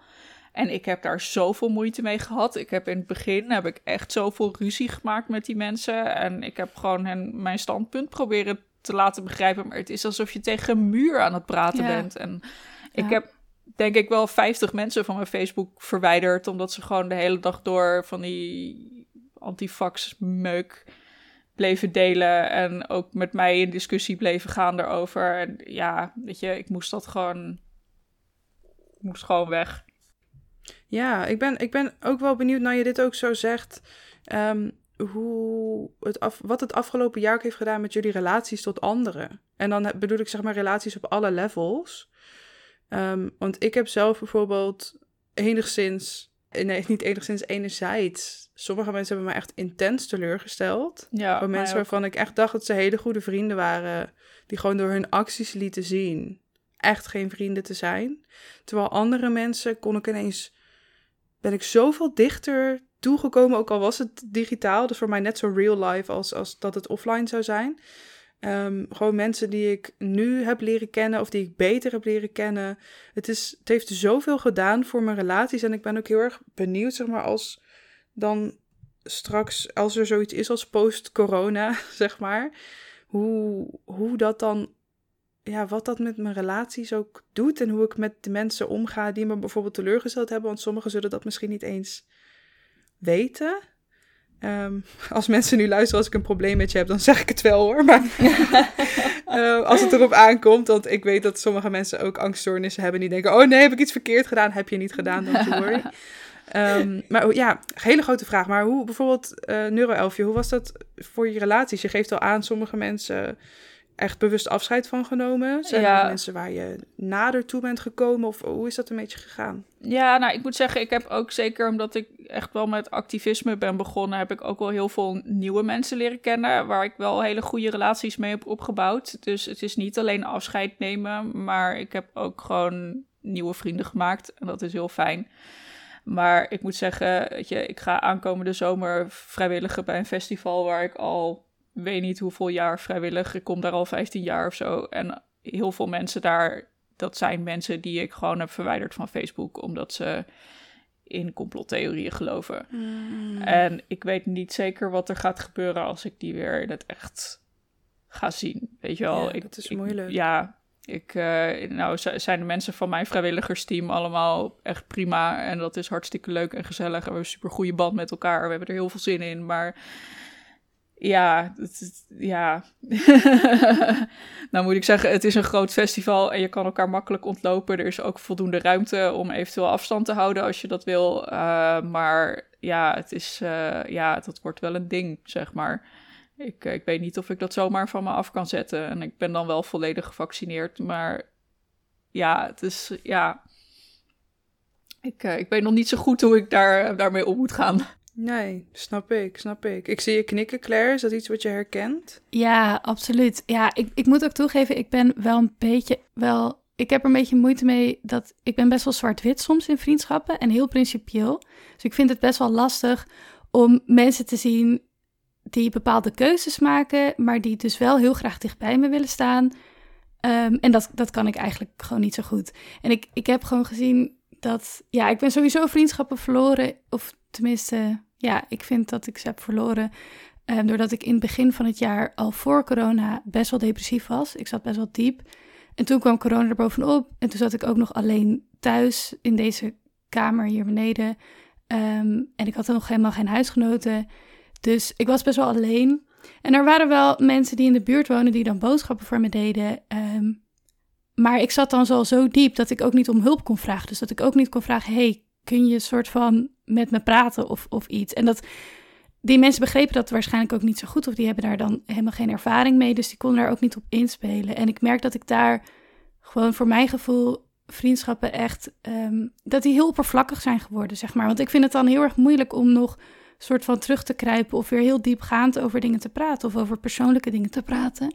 En um, zeker op een gegeven moment, er zijn denk ik twee momenten dat vrienden van mij keuzes hebben gemaakt waarvan ik echt schrok. Gewoon waarvan ik echt dacht, wat is dit? En dan uit de schrik spreek ik ze daarop aan. En dan kwamen er hele soort van hele emotionele dingen naar boven van de andere kant. Um, waardoor ik dus ook veel minder, ik heb wel contact met ze, maar het is veel, het is niet meer persoonlijk, zeg maar. Dat heb ik ook aangegeven, dat vonden zij dan bijvoorbeeld heel lastig. Uh, maar ik heb ook aangegeven van ja, Weet je, als je dit soort keuzes gaat maken, als je ervoor gaat kiezen om naar feestjes te gaan, voor mij is dat gewoon, ik kan dan niet meer over mijn persoonlijke, over mijn emoties, over mijn persoonlijke shit praten. Dat is niet hoe het werkt bij mij. Weet je, ik moet me echt veilig voelen. En als, als je dat soort keuzes gaat maken, dan voel ik me niet veilig. En dat was voor, voor hun heel lastig uh, om dat te begrijpen, omdat zij dus dat loszagen van elkaar. Um, en ik, ik kan dat niet. Ik kan niet iemands keuzes loszien van, van, van de vriendschap, zeg maar. Nee, ik ook niet. Uh, ik ja. herken dat heel dit erg. Dit is heel herkenbaar, ja. Ja, en, en zeker als het... Mijn hele leven lang al ook. dat. Ja, zeker. En, en zeker als het in huis gebeurt. En, en, en dat heb ik dus een paar weken, nou een paar ma twee maanden geleden gehad. Is dat mijn huisgenoot um, naar Portugal ging op vakantie. En dat was voor mij al super confronterend. Uh, maar dan ook zeg maar niet helemaal begreep dat als ze dan terugkwam, dat, ze, dat het gewoon netjes is om te vragen van, hé, hey, hoe gaan we dit aanpakken, zeg maar. weet je wel, gaan we allemaal laten testen, wanneer, wie doet wat. En dat te bespreken met het hele huis. En daar is ook echt wel um, toen ook best wel ruzie over geweest. En het is ook heel onprettig gegaan. En dan merk je gewoon dat dat, dat beschadigt gewoon je relatie, zeg maar. Dat kan je gewoon niet loszien, vind ik. Ja. Nee, zeker. Ja. Super herkenbaar. Ik ben ook echt mijn hele leven lang al zo principieel en ook best wel rechtlijnig geweest in vriendschappen. Ik probeer wel heel mm. erg ruimte te houden voor menselijkheid, want ik ben zelf ook een mens en ik maak ook fouten. Dus um, ik probeer daar wel heel erg voor te waken dat ik niet meteen iemand helemaal afschrijf omdat ze één keer in mijn ogen iets verkeerd doen. Alleen um, in sommige gevallen zijn mensen gewoon echt mijn grens overgegaan. En dan is het voor mij ook heel snel klaar. Ja. En dan wil niet zeggen, ik gun diegene dan verder nog een heel fijn leven. Alleen ik hoef dan gewoon geen contact meer met die persoon. Ja. ja. En zo ben ik altijd al geweest. Ja. en dat is het ook. Mm. Eh, ik denk dat we ook allemaal al te veel moeten dealen met teleurstelling en onzekerheid. Um, ik wil gewoon weten waar ik aan toe ben. Ik heb zo weinig energie. Ik kan maar zo weinig mensen zien. Ik kan maar met zo weinig mensen praten. Dan wil ik gewoon ook weten dat als ik mijn energie ergens instop, dat het ook een, een fijne relatie is. Ja. ja. Ja, heel herkenbaar. Ja. En ik vind het zelf ook over het algemeen. Ja, moet, ik hoop niet dat dit arrogant gaat klinken, maar. Um, ik heb over het algemeen geen moeite met vasthouden aan mijn principes. Ik ben altijd een heel principieel persoon geweest. En daar horen dan bepaalde keuzes bij. En dat is dan gewoon zo voor mij. Daarom vond ik het. Ik bedoel, het is ook een bepaalde uh, plek van privilege waaruit ik praat. Maar ik vond het bijvoorbeeld heel makkelijk om veganist te worden. Dat was gewoon, heb ik gewoon, die beslissing heb ik genomen, punt. En dat was dan gewoon zo. En um, ik weet dat we ruimte over moeten laten voor. Um, allerlei nuances daarin. En ik heb het ook niet over bijvoorbeeld mensen die door uh, medische situaties of wat dan ook geen veganist kunnen worden. Dat is niet waar ik het over heb. Maar als ik een bepaalde keuze maak, dan heb ik bepaalde principes en daar hou ik me aan. En ik vind dat heel moeilijk om te zien als anderen zeggen dingen te doen, ja. maar zich dan niet aan die principes houden. Als je nooit zegt dat je iets doet, is er geen probleem. Ja. Alleen um, ja, dit is een heel lang verhaal. Maar dat, dat, dat, um, dat, dat had ik dus ook een beetje met sommige mensen. Ik bedoel, um, Neuroelfie, jij zei aan het begin ook al, of in ieder geval iets eerder in, in, in, de opname, dat je ook heel vaak, dat we als disabled personen ook gewoon vaak vergeten worden binnen activisme. Ja. En dat, um, dat, dat vind ik ook heel tekenend. Dat is iets wat ik ook heel vaak heel, als heel pijnlijk ervaar. Dat er dan hele en dan heb ik ook nog de intersectie met dik. En dikke mensen worden al helemaal... Ja. Weet je wel, dikke en disabled mensen zijn mm. helemaal een beetje het afvoerpuntje, zeg maar. Ehm, maar um, het, is gewoon, het was gewoon heel pijnlijk om dan mensen waarvan ik dacht dat ze echt bondgenoten waren... bepaalde keuzes te zien maken tijdens de pandemie. Ja. Terwijl ze heel hard roepen bondgenoten te zijn. Niemand moet zich verplicht voelen mijn bondgenoot te zijn, maar als je bepaalde dingen zegt, dan verwacht ik ook dat je gedrag daarop aansluit. En ik denk dat, dat dat het zo pijnlijk maakt of zo. Wat wij zeggen, Nina? Ja, sorry. Nee, ik wou zeggen, er ontstond in, inderdaad voor mij in mijn privéleven ontstonden er een aantal groepen. Ik had heel duidelijk wat, je, wat jullie ook zeggen. Er was één groep mensen en ik merkte gewoon, dit zijn de mensen die, die het gevoel hebben dat ze dingen goed moeten praten naar mij. Dus die zeggen mijn principes te delen, maar in acties zeggen iets anders. En dat vond ik heel moeilijk, vind ik nog steeds heel moeilijk. Omdat als, als ik in gesprek ging met die mensen, dan, dan deden ze echt alsof ze hetzelfde wilden. Ja. Um, en vervolgens kwamen er verhalen van ja, ik ben wel naar een feestje geweest, maar ja, ik laat me dan wel testen en zo, dus dan is het goed. En ik zie ook die mensen niet. En dat vond ik heel moeilijk. En er was een groep mensen die gelukkig in mijn geval wel heel klein is hoor. Um, die echt wel echt heel heftige dingen hebben gedaan. Um, weet nog steeds niet zo goed hoe ik daarmee om moet gaan. Ook omdat het zich bij mij wel in de familiesfeer afspeelt. Um, en gelukkig een grote groep mensen waarvan ik vanaf dag één door had. Ja, dit, die staan er gewoon hetzelfde in als ik. En die mensen voelen meteen ook als thuiskomen. En ik heb ook, als ik nu met jullie of, of met jou, Lisa, dan online praat. Dat voelt meteen als thuiskomen. Gewoon omdat je die basis voelt. Dat iemand daar hetzelfde in staat. En dat is wel ook iets warms wat ik nog nooit zo heftig gevoeld heb. Die community die nu zo versterkt is. Om toch even positief af te sluiten voor mezelf. Ja, ja, ja, ja. Nee, want ik wilde jullie eigenlijk ook nog vragen, nu we het toch over positiviteit hebben. Ik hoorde jullie al dingen benoemen over, rond bijvoorbeeld toegankelijkheid. Zijn er misschien bepaalde toevallige voordelen die met corona kwamen waarvan je zegt, nou, dit was toch wel erg fijn? Nou, als, ik, uh, als de coronacrisis niet was gekomen, had ik geen carrière gehad nu. Nee. Gewoon puur vanwege thuiswerken. Dat, uh, weet je, het kantoor van mijn werk zit in Den Haag en ik woon uh, in, in Noord-Holland ergens. En dat is gewoon twee uur reizen met de trein. En ik trek dat gewoon niet vijf dagen in de week. Dan heb, heb ik binnen een maand een burn-out. En bovendien is het kantoor, weet je, alles is rood geverfd. Het is echt zo'n tuin helemaal open, overal geluid. En iedereen is aan, aan het bellen tegelijkertijd. Het, het is echt gewoon hel, weet je wel. De horror. Ik kan daar echt niet werken als... als ja, het is, ik kan daar echt niet werken als uh, vijf dagen in de week, weet je. Ik denk dat we allemaal aan het cringe zijn op dit moment. ja. ja, heel hard. Ja. Het is echt gewoon... Je omschreef zojuist mijn horror. Radio aan altijd. Ja. En, uh, er is wel één kamer, zeg maar, die wat, wat rustiger is. En waar je, die, waar je af kan sluiten van de rest. Maar, uh, en, en dat helpt op zich wel. Dus ik, ik kan soms nog wel één dagje in de week naar kantoor. Maar ik ga het echt niet uh, zo, zo, weinig mogelijk. ja, ja, precies, precies, precies. Ja, uh, Claire, bijvoorbeeld, hoe was het voor jou? Waren er dingen afgelopen jaar waarvan je zei: Oh, dit, dit vond ik dan, ondanks hè, hoe verschrikkelijk rot corona is, toch wel erg fijn? Uh, ja, wat Nina ook al, al noemde, online colleges. It, it saved my life. Mm. Gewoon. Het is echt, als ik kijk ook naar hoeveel dingen ik, ik doe uh, of heb gedaan afgelopen jaar. Ik heb nog best wel veel dingen gedaan. Um, en dat kon allemaal doordat alles online was. Want vergaderingen waren online, colleges waren online. Um, ik studeer sowieso beter als ik thuis ben. Um, en het is gewoon fijn, want je, je zit in een college. Ik, je kan ervoor kiezen om actief mee te doen.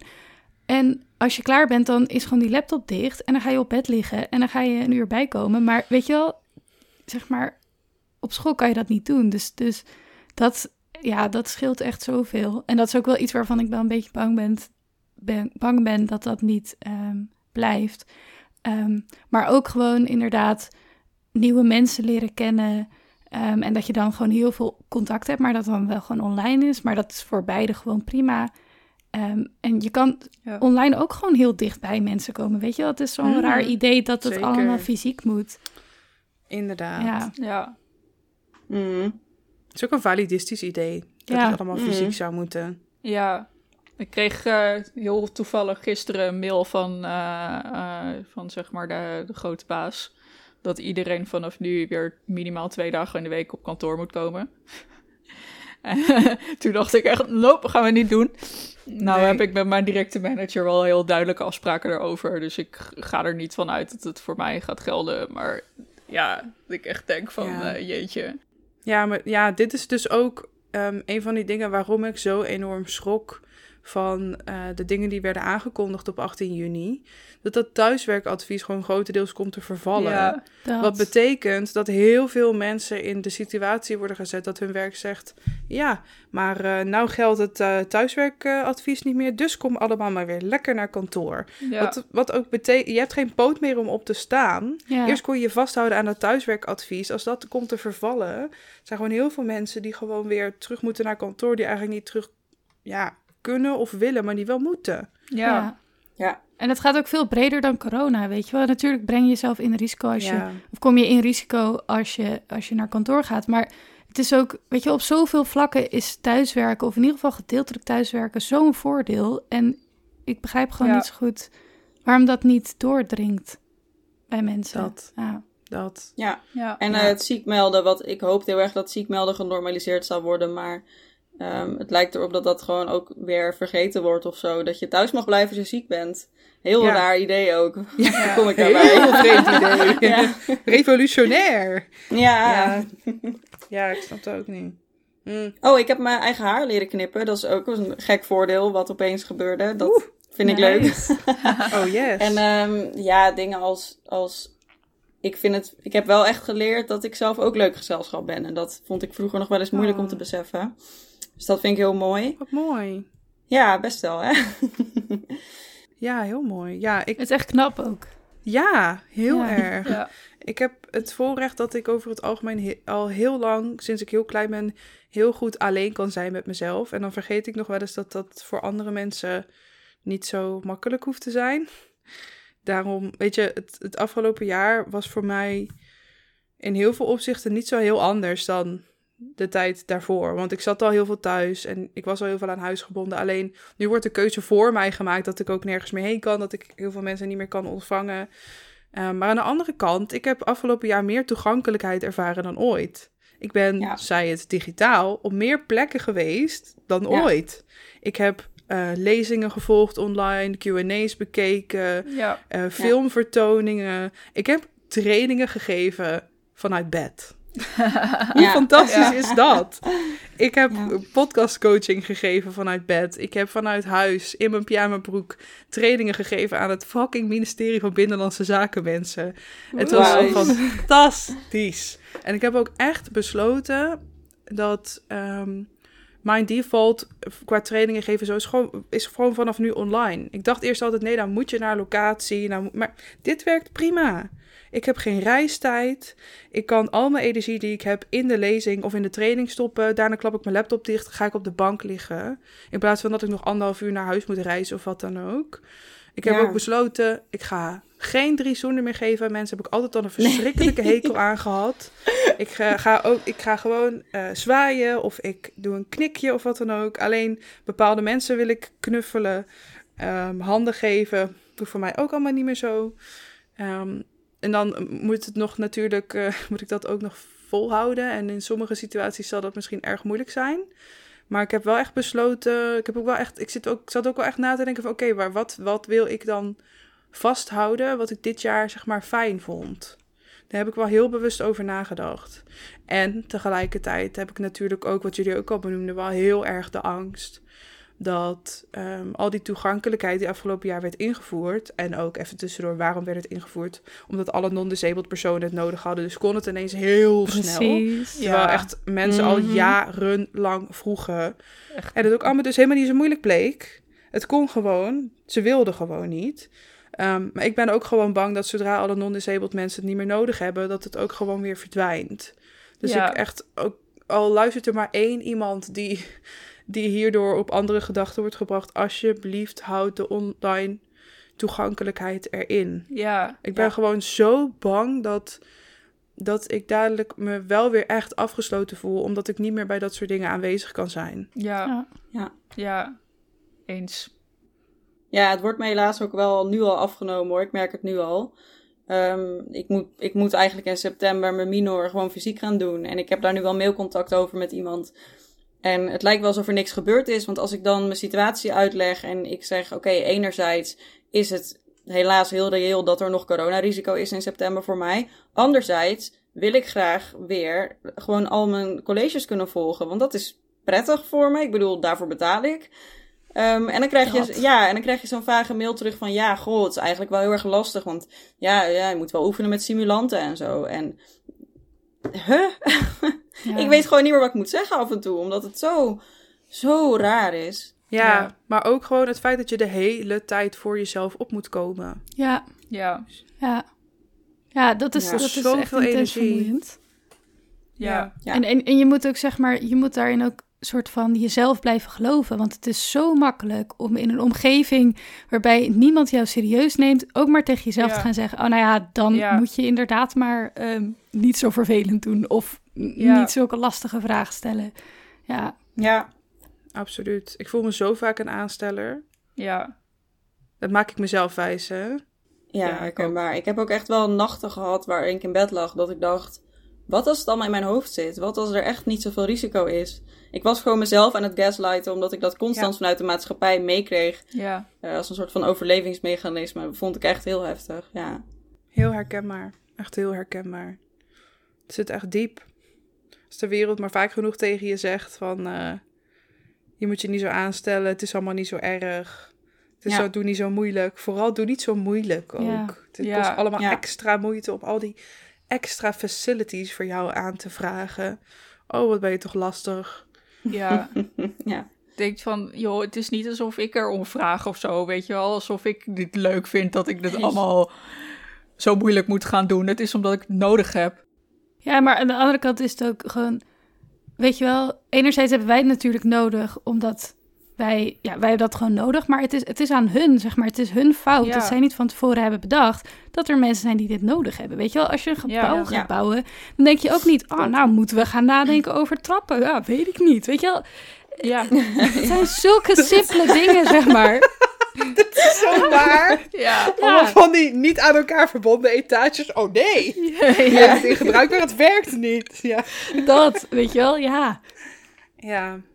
En ook, ook wel een beetje misschien de overtuiging dat je tegenslagen nodig hebt om uh, er bovenop te komen. Oh, maar weet je, in de echte wereld is het ook allemaal zo. Dus wat ik dan ervaar in de universiteit. Dus dan moet je nu maar ook gewoon even doen. Uh, moet je maar even doorzetten. Terwijl, om dan nog even door te gaan over die, dat trappenvoorbeeld, weet je wel. We gaan ook niet allemaal klimtouwen hangen, zodat je naar de volgende verdieping hangt. Weet je wel, je maakt het jezelf toch zo makkelijk mogelijk, weet je wel. Ja, makes no sense. Dat, dat. Ja, ja, want ik, ik weet niet hoe het met jullie zit, maar ik wil helemaal niet zo'n harde wereld.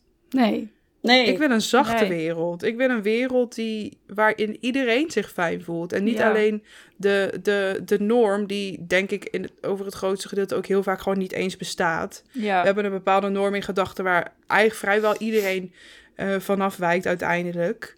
Um, tuurlijk voldoen sommige mensen er meer aan dan de anderen. Gaan sommige mensen makkelijker door hun leven heen daardoor.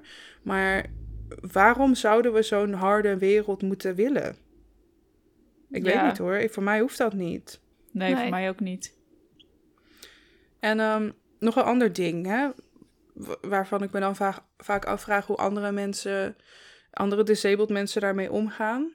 Ik ben ook, ik kijk ook heel erg, of ik zie heel erg op tegen um, post-corona. Ik praat over post-corona. We doen gewoon even alsof zoiets bestaat. Ik weet niet of zoiets ooit bestaat, maar we doen gewoon even alsof dat zo is. Um, ik ben dan bang dat mensen meteen weer van alles van mij willen, omdat ze dan verwachten van, oh ja, weet je wel, corona is voorbij. Dus nu kun je alles weer. Uh, nu kun je weer over op locatie verschijnen. Nu kunnen we weer de hele tijd afspreken. Nu kan je weer, nou ja, whatever mensen dan ook allemaal gaan willen. Um, en dan vind ik het soms ook heel erg moeilijk. Dan, dan merk ik dat ik bepaalde andere dingen maar laat of er niet over deel. Omdat ik bang ben dat andere mensen dat dan uiteindelijk tegen mij gaan gebruiken. Want dat is ook wel eens gebeurd. Bijvoorbeeld Um, ik had een vriendin, met de nadruk op had. Um, en die vond dat ik uh, te weinig aandacht aan haar besteedde, of haar te weinig zag, of wat dan ook. Um, en dan ging ik bijvoorbeeld wel eens een dagje iets doen met mijn vriend. En dan deelde ik dan over op Instagram. En dan kreeg ik in het vervolg te horen: ja, je moet niet zoveel delen op Instagram, want dat schept een heel verkeerd beeld. Um, want ik kon dat dan wel doen, maar ik kon niet naar haar toe. Weet je wel, dat soort dingen. Dus ik merk gewoon een heel erge terughoudendheid bij mezelf om überhaupt het te delen als ik iets doe. Ook omdat ik dan bang ben dat mensen dan denken: oh, kijk, ze is beter. Ze kan het allemaal weer. Terwijl wat mensen niet zien is, ik ga kapot van de pijn. Ik ben fucking moe op dat moment. De volgende drie dagen lig ik plat op bed. Kan ik helemaal niks. Moet ik soms liggend eten omdat ik zo ongelooflijk moe ben. Maar dat heb ik ervoor over om dan een dagje wat leuks te gaan doen. Nou ja, hele mhm. lange introductie. Hoe gaan jullie daarmee om? Ook, weet je wel, post-corona. Ik vind het zo moeilijk.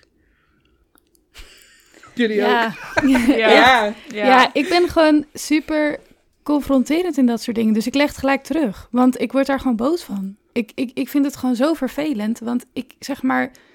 Ik ben helemaal niemand niets verschuldigd, weet je wel. Ja. Natuurlijk, je, je hebt een bepaalde relatie en heb je afspraken.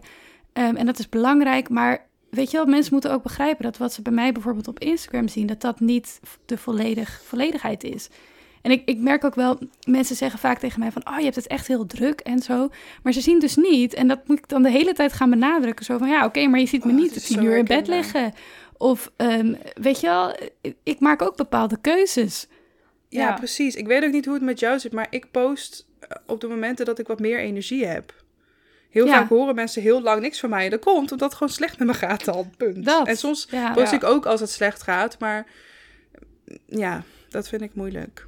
Ja, dat. En het is ook, weet je wel, mensen zien niet bepaalde activiteiten hebben andere vorm van energie nodig. En niet alles is even zwaar. En ook gewoon met jouw voorbeeld, uh, afspreken met een vriendin is echt wel even wat anders dan iets met je vriend doen, weet je wel. Je, je moet op een gegeven moment prioriteiten gaan stellen. En Ehm, ja, ik leg dat gewoon gelijk terug. Ik probeer dan gelijk mensen te bevragen van ja, weet je wel, waarom zeg je dat? En, en, en kijk ook even bij jezelf van, is het realistisch om, om, dat, om die opmerking te maken of om dat aan mij te vragen? Um, want ja, ik word daar gewoon, ik kan er gewoon echt niet meer tegen. Ja. Maar ja, dit is een hele, hele uh, heftige reactie die ook gelijk naar boven komt, zeg maar. Het is een directe reactie ook. En ik kan me voorstellen dat het ook heel confronterend kan zijn. En dat je dan juist terug gaat trekken en gaat denken van, oh shit, um, wat moet ik doen, zeg maar. Dus ja. Ja, ja, ja. Is dat iets wat jullie uh, herkennen, Nina, een euro-elfje? Ja, zeker. Ja, ik ook wel. Ik, er zit wel echt een duidelijke tweedeling in voor mij qua dingen die professioneel van me verwacht worden. Omdat ik me daarin vaak heel afhankelijk voel. Omdat ik toch ook weet, um, en dat zit heel erg geïnternaliseerd bij mij. Ik weet dat zij mij zien als ziek persoon. Um, voor mij tien anderen voor wie ze minder moeite hoeven te doen. Dus ik vind het heel moeilijk om daarin grenzen te stellen. En zoek daarin heel erg steun van, um, nou ja, in mijn geval nu dan dus die actiegroep en bevriende docenten en zo die mij daarmee helpen. Maar het zorgt ook dat ik er privé gewoon geen energie meer voor heb. En dat dat maakt dat ik daar wat harder in ben. En dat ik sommige dingen ook heel expliciet maak. Dat ik zeg van, hé hey jongens, als wij straks uh, uh, feestjes gaan doen, die gaan we niet meer laten beginnen om 11 uur. Want dat trek ik niet. Laten we die gewoon overdag doen. Zodat het gewoon een soort van voor mij al afgebakend is. Als ik straks wel weer die wereld inga, dat het allemaal wat makkelijker is of zo. Ja. ja. Ja, ik heb er zelf wel moeite mee, omdat ik onzichtbaar ziek ben. Weet je, ik, ik kan op het oog gewoon van alles. Maar weet je, een, een, paar weken geleden is er voor het eerst een dokter geweest die daadwerkelijk goed naar mijn lijf heeft gekeken. En die, die zei nog van, van hoe, hoe kun jij langer dan een kwartier zo lopen? en zij was de eerste die, die door had dat er echt daadwerkelijk iets met me aan de hand was, weet je. En ik heb zoveel artsen gezien de afgelopen maanden. Het is echt niet normaal. En weet je, op, uh, uh, weet je, ik, ik ben een autist, maar ik maskeer zoveel dat niemand het aan mij afmerkt. En ik wilde dat dus net vragen. Ja, heb gewoon... Want dit is denk ik ook waar die intersectie uh, autisme en, en, en onzichtbaar ziek zijn ook heel erg samenkomt. Ja. Want als mensen dus geen kennis hebben van autistische mensen en hoe die kunnen maskeren, dan zien ze dus ook niet eh, welke pijn en, en ongemak jij Ja, ik heb daar heel veel gezeik mee gehad. Want ik, uh, ik had dus die beschadigde zenuw. En daar zijn ze pas na een maand achter gekomen. Terwijl ik gewoon elke dag, meerdere keren per dag, gedachten had. Als dat ik dacht van, weet je, misschien is mijn hand afhakken een beter idee dan dit. Ja.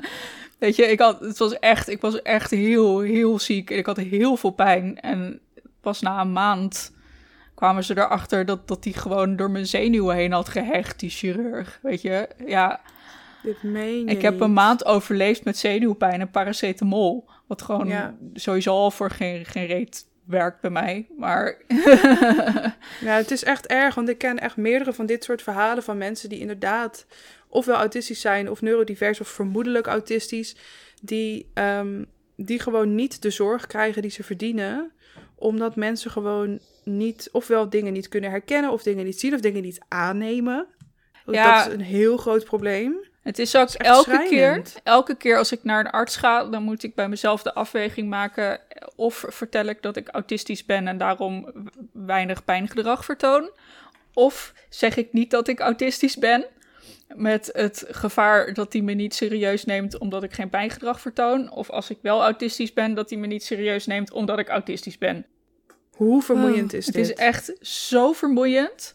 Maar mag ik je wel echt, echt super bedanken dat je dit nu zegt. Want zeg maar, hier heb ik, dit komt echt hard binnen. Want hier heb ik dus nog niet bij stilgestaan. Dat dit voor mij misschien ook een verklaring is geweest van waarom mijn traject is gelopen. Zeg maar, ik zit nu in, in, in het traject um, voor diagnose voor autisme.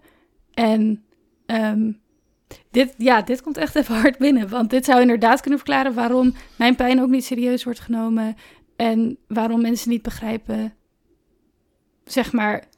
En je bent onzichtbaar ziek, maar je bent nog meer onzichtbaar ziek omdat je het dus blijkbaar niet vertoont op de manier als mensen, zoals mensen van je verwachten. En dat, daar heb ik dus helemaal mm. nog niet bij stilgestaan. Ja, en ik, ik heb bijvoorbeeld mijn GGZ-dossier heb ik afgesloten voor iedereen omdat ik gewoon niet wil dat mensen mijn waslijst aan diagnoses zien. Vooral dokters niet. Hoewel het wel heel relevant zou zijn voor mijn behandeling. Maar gewoon omdat ze het dan alleen maar op psychisch gaan gooien. En er dan niks meer gebeurt. Dit is echt zo heftig, hè? Al die dingen waar je rekening mee moet houden. Je moet eigenlijk het medische systeem gewoon hacken. Ja. Omdat je anders gewoon geen diagnose of wat dan ook krijgt. We moeten het gewoon in de prullenbak gooien en iets nieuws opbouwen, want het werkt gewoon niet. Ja. Nee, dit werkt gewoon echt niet. Ik ben nu wel geïnspireerd, want ik wist niet dat ik mijn dossier kon sluiten. Maar uh, ik merk ook altijd in gesprekken meteen wanneer ze mijn angststoornisdiagnose zien. Want dan, dan schakelen ze om. Dan gaan ze heel erg van, ja, maar je hoeft je geen zorgen te maken. En ik word inmiddels bijna je meteen door het... Ja. ja, zeker. Ik, uh, ik kan het woord paracetamol ook niet meer horen, omdat ik gewoon gek word van al die artsen die dan zeggen, ja, heb je al paracetamol geprobeerd? Ik kan niet meer. dus het is een goede tip. Er komt daar ook nog eens bij op. Ik bedoel, uh, we zijn niet allemaal vrouwen, maar als je eruit ziet, en dan bedoel ik het niet per se voor jullie, maar ik heb het nu over mezelf. Als je eruit ziet voor wat mensen zien als een vrouw, ja. dan word je sowieso al veel minder serieus genomen. Ja, ja. En het, sowieso, daarnaast is het hele medische systeem natuurlijk gebaseerd op witte cisgender mannen. Wat ook al nergens op slaat. Dus je wijkt er al dan vanaf, omdat je er niet uitziet als een, een, een cisgender man. En dan ben je ook nog eens onzichtbaar ziek. En ben je ook nog eens neuroatypisch, neurodivergent, neurodivers, hoe je het wil noemen. Het is nogal wat. En daar moet je allemaal rekening mee houden. Nou, ja. Ik moet jullie ook mhm. eerlijk zeggen, ik, uh, ik, uh, sowieso ga ik nu niet graag naar de huisarts vanwege corona. Maar ik ga ook heel vaak gewoon met klachten niet naar de huisarts, omdat ik gewoon letterlijk de energie niet heb om door al die hoepels heen te springen. Ja, ja. ja. ja. ja absoluut. En, en, en dat is zo, zeg maar, ja, ik weet niet, ik word er zo boos ook van. Maar ook, je voelt je zo machteloos ook. Want ik heb zeg maar, ik heb altijd bijna elk jaar een nieuwe huisarts, omdat ik aan het verhuizen ben of omdat er iets is. En toen ik dus vorig jaar, net voor corona, hier in Den Haag kwam wonen, toen had ik dus geen huisarts, niet in de buurt in ieder geval. Maar ik zat echt in een verschrikkelijke depressie. Maar ik kon dus ook nergens terecht. Omdat ik één, zo diep zat dat ik gewoon niet wist waar ik naartoe moest. Maar ook omdat ik zoveel ervaring heb gehad met artsen, dat ik ook zoiets had van ja, dan kom ik straks bij zo'n arts. En dan wordt het nog niks. En toen ik dus eindelijk een huisarts had, hier, die overigens inderdaad ook zo ehm, corona niet serieus neemt, um, toen kwam ik daar dus. En toen was het, toen werd men, zeg maar, mijn angst gewoon bevestigd. Omdat ik gewoon ja gewoon nog steeds geen psycholoog kreeg. En, het, en, en nog steeds niet heb, zeg maar. Dus het, en dan moet je ook daar weer mee omgaan. Ja. Dat. je eindelijk zo ver bent dat je zegt, nou, ik wil hulp vragen. En dat iemand anders dan zegt, nee, het is niet erg genoeg. Ja. Of het zit in je hoofd, of je moet je gewoon niet zo aanstellen, of neem maar een paracetamol. Ja. Oh, en artsen die corona niet serieus nemen. Oh. Ja, sorry. Echt de eerstvolgende dokter die mij zegt: neem maar een paracetamol, die ga ik echt hoeken gewoon. Ik ben er echt zo klaar mee. ja. Ik film mee Ja, heerlijk. Maar de um, artsen die corona niet serieus nemen, dat was echt nog wel... Uh, dat, vond, dat vond ik schokkend om zelf mee te maken. Ik had eindelijk de moeite verzameld om met mijn longproblemen naar een arts te gaan. En toen kwam ik daar en toen bij een longarts die geen mondkapje droeg. En toen ben ik niet meer teruggegaan, omdat ik gewoon niet... Ja, ik kon niet ik ben nog steeds aan het verwerken wat daar gebeurd is. En ik kon ook niet de energie bijeenrapen om daar iets... Ja, moet je daar iets van zeggen? Maar, maar dat is dus zo gevaarlijk. Want je bent als patiënt al in zo'n um, kwetsbare positie. En dan moet je dus ook nog eens soort van... Dit soort basic dingen, wat het is, gewoon echt basic. Moet je daar ook nog eens voor jezelf opkomen of jezelf beschermen. Terwijl je dat al helemaal niet kan. Ja, en ziek zijn is ook gewoon echt een Olympische sport. Want je, je bent gewoon veel, veel meer bezig met gezeiken met artsen en zorgverzekeraars die je niet serieus nemen of die dingen niet willen vergoeden. Wachtlijsten, medicijnen, uh, doorverwezen worden van de ene specialist naar de ander. En, ook dan weer je hele verhaal moeten uitleggen. Ja. ja, precies. Terwijl je ziek bent. Dus je leeft al met een extra handicap. Ja. En dan moet je ook nog eens door 25 keer zoveel hoepels heen springen om als een normaal mens behandeld te worden. Ja. Ja. Ja, super herkenbaar. Oké. En ik merkte ook opeens uh, nog sterker, want als vrouw voelde ik me al kwetsbaarder. Gewoon in sociale situaties en op straat. Maar nu dat corona erbij kwam, dacht ik, ja, ik kan. Ik, ik bevries nog sneller als er iets gebeurt. Omdat ik denk, als ik hier nu iets van zeg.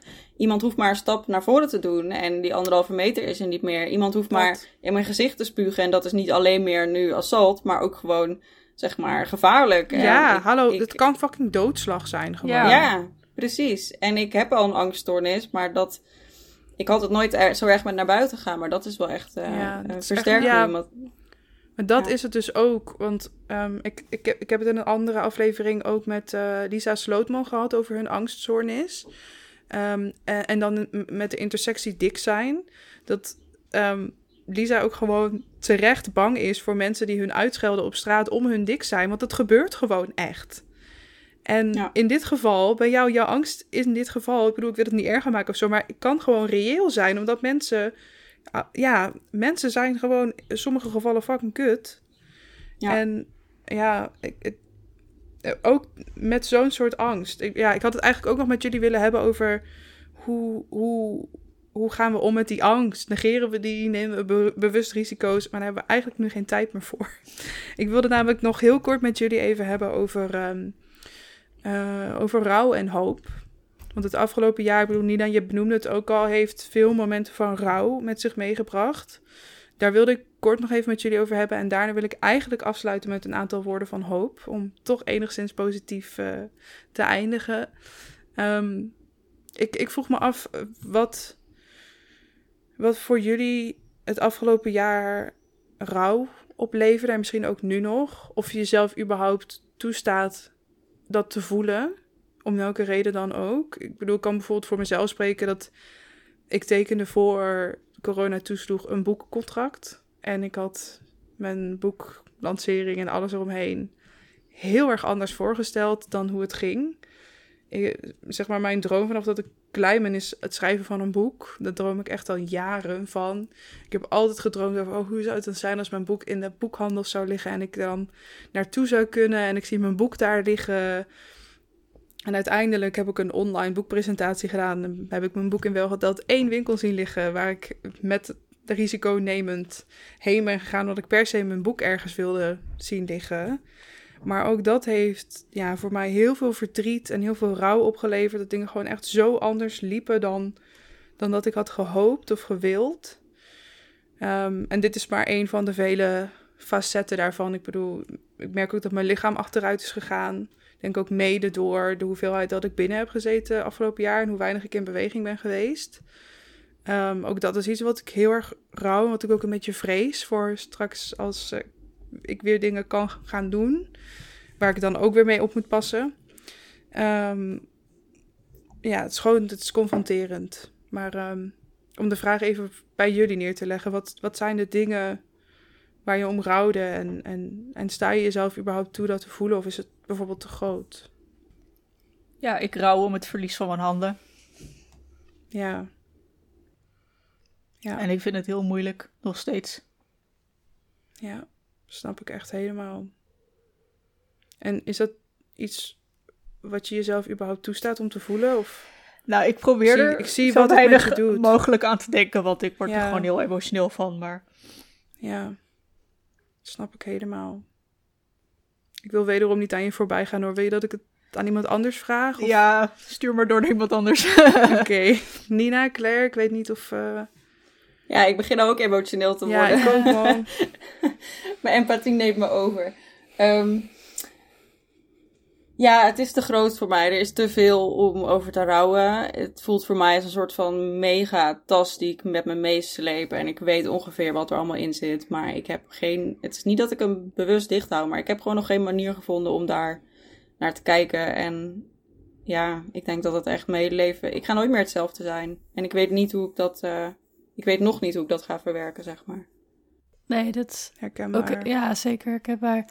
En ja, ik vind, ik vind rouw sowieso heel erg lastig. Het is voor mij iets waar ik gewoon niet weet wat ik ermee aan moet. En negeren is voor mij meestal dan de allereerste optie. En ik zat voordat corona, zeg maar, voordat de lockdown in Nederland begon, al in een soort rouwproces van, omdat ik dan student ben, van ja, mijn vrienden zijn ook allemaal student en die hebben een bepaald leven waar ik helemaal niet aan mee kan doen, waardoor ik die relaties niet kan opbouwen met hun.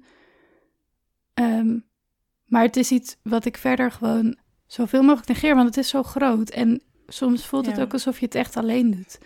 En dat is gewoon best wel zwaar. Ja. Ja. Ja, ik, ik moet zeggen, ik ben geen onbekende voor rouw. Want uh, mijn moeder is vier jaar geleden overleden. En dat heeft er ook wel diep ingehakt bij mij. Maar het, het, het, het, blijft gewoon moeilijk om mee te dealen, weet je. En ook ja. niet alleen dat, maar ook het onbegrip vanuit je omgeving, weet je. Ik, dat. Toen mijn moeder overleed, toen ben ik serieus vrienden kwijtgeraakt... omdat die tegen me zeiden dat ik te veel rouwde. Dat ik denk, oké, dat het nu alweer voorbij moest zijn... en dat ik nu maar weer gewoon leuke dingen met ze moest gaan doen en zo. Dat ik denk van, ja, uh, sorry hoor zo werkt het gewoon niet. Ja. Jouw leven is blijvend veranderd. Daar kan je niet ineens zomaar aan voorbij gaan. Nee, precies. Zeg. Maar ja, daar komt ook weer bij kijken dat heel veel mensen ook gewoon ehm, heel bang zijn voor rouw. En ook bang zijn voor andere rouwende mensen. Dan ook gewoon helemaal niet weten wat ze moeten doen. In plaats van dat ze dan zeggen: Ik weet niet wat ik nu moet zeggen. Ik vind het heel erg. Maar ja. ik weet niet wat ik moet zeggen. Proberen ze er maar zoveel mogelijk van weg te blijven. En ja ja, dat merk ik ook heel erg. Heel pijnlijk is dat. Ook met mijn moeder destijds, dat heel veel mensen gewoon ineens weg zijn. Ja. En dat je, je weet ook gewoon echt, en nu ook gewoon aan wie je iets hebt en aan wie niet. Weet je, ik was toen echt net samen met mijn vriend. En uh, hij heeft me echt er doorheen gesleept. Hij was er gewoon altijd. Hij heeft in het ziekenhuis twee weken heeft ze in coma gelegen voordat ze overleed. En hij was er gewoon elke dag. En dat heeft onze band zo erg versterkt. En dat is zo'n verschil met hoe sommige andere mensen daarmee om zijn gegaan. Weet je, je hoeft niet eens de hele dag erover te praten. Weet je, je moet er gewoon zijn. Weet je, alleen een aanwezigheid helpt al. Ja. En ook geen dingen beloven die je niet kan waarmaken. Ik bedoel, ook al kan je er misschien niet letterlijk altijd fysiek zijn. Zeg dan, ik vind dit heel moeilijk, ik kan er misschien niet altijd zijn, maar ik denk aan je. Ja. Misschien kan je iets praktisch doen. Misschien kan je iedere dag even een appje sturen om diegene te laten weten dat je aan diegene denkt. Ja, precies. Maar het allerergste wat je op dat moment kan doen is doen alsof die rouw er niet mag zijn. Ja, ja dan gooi je alleen nog maar iets bovenop, zeg maar. Want dat doet nog meer pijn. Zo. En ja, ik, ik begrijp gewoon niet. Sommige mensen beseffen dat misschien niet, maar het doet zoveel pijn als je al in een proces van rouw zit en iemand gaat ook nog jouw proces soort van ontkennen of of gewoon jouw emoties ja. soort van. Ja. wat, ik, wat ik ook wel heel erg vind, dat zijn mensen die gewoon niks meer van zich laten horen. Want die heb je ook. Je hebt zeg maar mensen die, die je rouw ontkennen, maar je hebt ook mensen die gewoon poef, weg. Weet je, dit is te moeilijk om mee te dealen, dus deal ik er maar niet mee. Ja, of uh, toxische positiviteit erop gooien, ja. dat het ook oh. allemaal zwaarder maakt. Oh ja. ja. Het moest zo zijn. Het komt wel goed, je moet het positief bekijken. Echt zo oh. boos op mensen die nu tijdens de coronacrisis zeggen van uh, ja, uh, iedereen gaat dood in zijn eigen tijd en zo. Dat ik denk van, oh my god. Ja. Weet je, niet, niet alleen alle mensen in risicogroepen, waaronder ik, die al uh, weet niet hoe lang thuis zitten, maar ook mijn moeder. Weet je, mijn moeder was 49 en ze had gewoon ja, zoveel te doen in haar leven. Het was echt niet haar tijd. Dat, echt, dat. En ik vind het echt, ik vind het echt zo erg als je dat zomaar zegt, weet je? Dat, ja. ja. Ja. maar dat geeft ook weer, die mensen hebben geen idee. Die hebben echt geen idee. En ik geloof ook echt dat dat heel vaak mensen zijn die niet zo vroeg met verlies ja. geconfronteerd zijn geweest. Want dan, dan, dan, je kunt zulke dingen niet zeggen als je dat hebt meegemaakt. Ja, maar gewoon weet niet. je, ook als je oud bent of als je heel erg ziek bent, weet je, dan hoef je ook niet dood te gaan, weet je. Precies, precies, precies. Net als met het hele geen doorhoud gesprek. Ja. Uh, wat, ja. Uh, wat vorig jaar plaatsvond. Ja, het zijn toch alleen maar de zieke ja. en oude mensen die komen te overlijden. Ja, wat wij doen er niet toe. Dus dat is minder erg, want. Precies, want. Want. Maar ook gewoon, wat, is, wat ga je, zeg maar, wat ga je bemoeien met andermans leven? Wat ga je, zeg maar, oordelen of andermans leven soort van ertoe doet? Ja. Not your tegen mij zeggen dat, uh, dat mijn leven er niet toe doet, weet je wel? Dat, dat ik gewoon uh, beter kan overlijden omdat ik toch al ziek ben. Ja, echt. Mensen hebben echt geen clue. Nee, ik moest gewoon... Ik weet nog aan het begin van, die, van, van de coronacrisis dat ik inderdaad nog in het proces zat dat ik mensen aan het ontvrienden was op Facebook. Omdat ik gewoon elke dag moest lezen op mijn tijdlijn dat mensen mij liever dood wilden ja. hebben dan dat, ze nog langer niet dat, bier konden drinken in de kroeg of zo. Ja, maar mensen denken dan ook dat ze het over een soort abstract iets hebben, wat dan edgy is om te zeggen of zo. Maar het zijn gewoon levende mensen. Wij zijn het waar je het over hebt. Ja. En nu nog steeds, hè, dat mensen tegen me zeggen: ja, je kunt toch niet voor altijd alles dicht houden. Wat, wat wil je daarmee zeggen? Er komt een punt dat jouw leven niet meer belangrijk is? Of ja, dat, precies dat. Letterlijk dat. Oké. Ehm, ik, ik wilde jullie als laatste, als laatste ding dus vragen: wat, wat, wat hopen jullie voor. We gaan ervan uit, er komt een post-corona. Wat hopen jullie voor post-corona? Ik hoop heel erg dat de samenleving toegankelijker wordt en toegankelijker blijft zoals die is geworden. Dat hoop ik vooral. Ja. En dat mensen kan meer, volledig bij aansluiten. Meer empathie hebben naar elkaar. En ook als je ziek bent, dat, weet je, dat, ja, dat hoop ik. Ja. Ja. Eens. Ja, ook, ook wat eerder ook al noemde, uh, wat je eerder noemde, een, een zachtere wereld. En ja, idealiter gewoon een heel ander systeem. Gewoon een totaal ander systeem waarbij wij evenveel ruimte in kunnen nemen. Dat het niet iets is waar we voor moeten vechten, maar dat het er gewoon is. Ja. geen special needs, maar gewoon needs. Ja, dat, zeker. Ja, en op microniveau hoop ik dat alle mensen die nu. Dat, dat gewoon alle mensen straks weer mogen knuffelen wie ze, wie ze willen knuffelen. Kijk er zo naar uit dat, dat gewoon, ik kan voelen dat al die disabled mensen weer hun hun mensen in hun armen kunnen sluiten en kunnen zien en, en, en lekker uit eten kunnen na weet ik veel hoeveel jaar. Daar kijk ik echt naar uit. Ja, ja. ik ook. Kijk dat we dat gewoon collectief kunnen. Dingen. Ja, precies. Ja. kleine dingen, ogenschijnlijk kleine dingen. Ja, um, Wat ik ook nog graag aan toe zou willen voegen is dat ik hoop dat iets wat Nina eerder ook al benoemde, dat we ziekmelden iets meer normaliseren. Dat dat niet iets is waar je je voor hoeft te schamen of vervelend of schuldig over hoeft te voelen, maar iets wat je doet niet alleen voor jezelf, maar ook voor anderen. Eigenlijk. En enerzijds om ze niet aan te steken, mocht het iets besmettelijk zijn, maar anderzijds om ook aan elkaar te laten zien dat ziek is ziek. Als je ziek bent, mag je je ziek melden en hoef je je niet schuldig over te voelen. Ja. En ik bedoel, in een chronisch ziek leven is ziek melden misschien nog wel iets anders en meer beladen, maar dat er gewoon meer aandacht komt voor niet alleen fysieke gezondheid, maar ook, ook heel erg gecombineerd met, uh, met mentale gezondheid. Ja, Oh, en ik hoop dat Cherry Baudet in een punaise stapt. Ja, binnenkort. Eén Lego-blokje. Elke dag. een Lego-blokje gemaakt van punaises. en dan systematisch gewoon. Ja, systematisch. gewoon de Noordzee injieten. De Noordzee, van mij mag die wel iets verder weg. Ja. Hey, ik vind het een, eh, een mooie afsluiter. Ik wil jullie echt ongelooflijk bedanken dat jullie hier uh, met mij dit gesprek wilden voeren. Dat we met elkaar dit gesprek konden voeren aan de symbolische ronde tafel.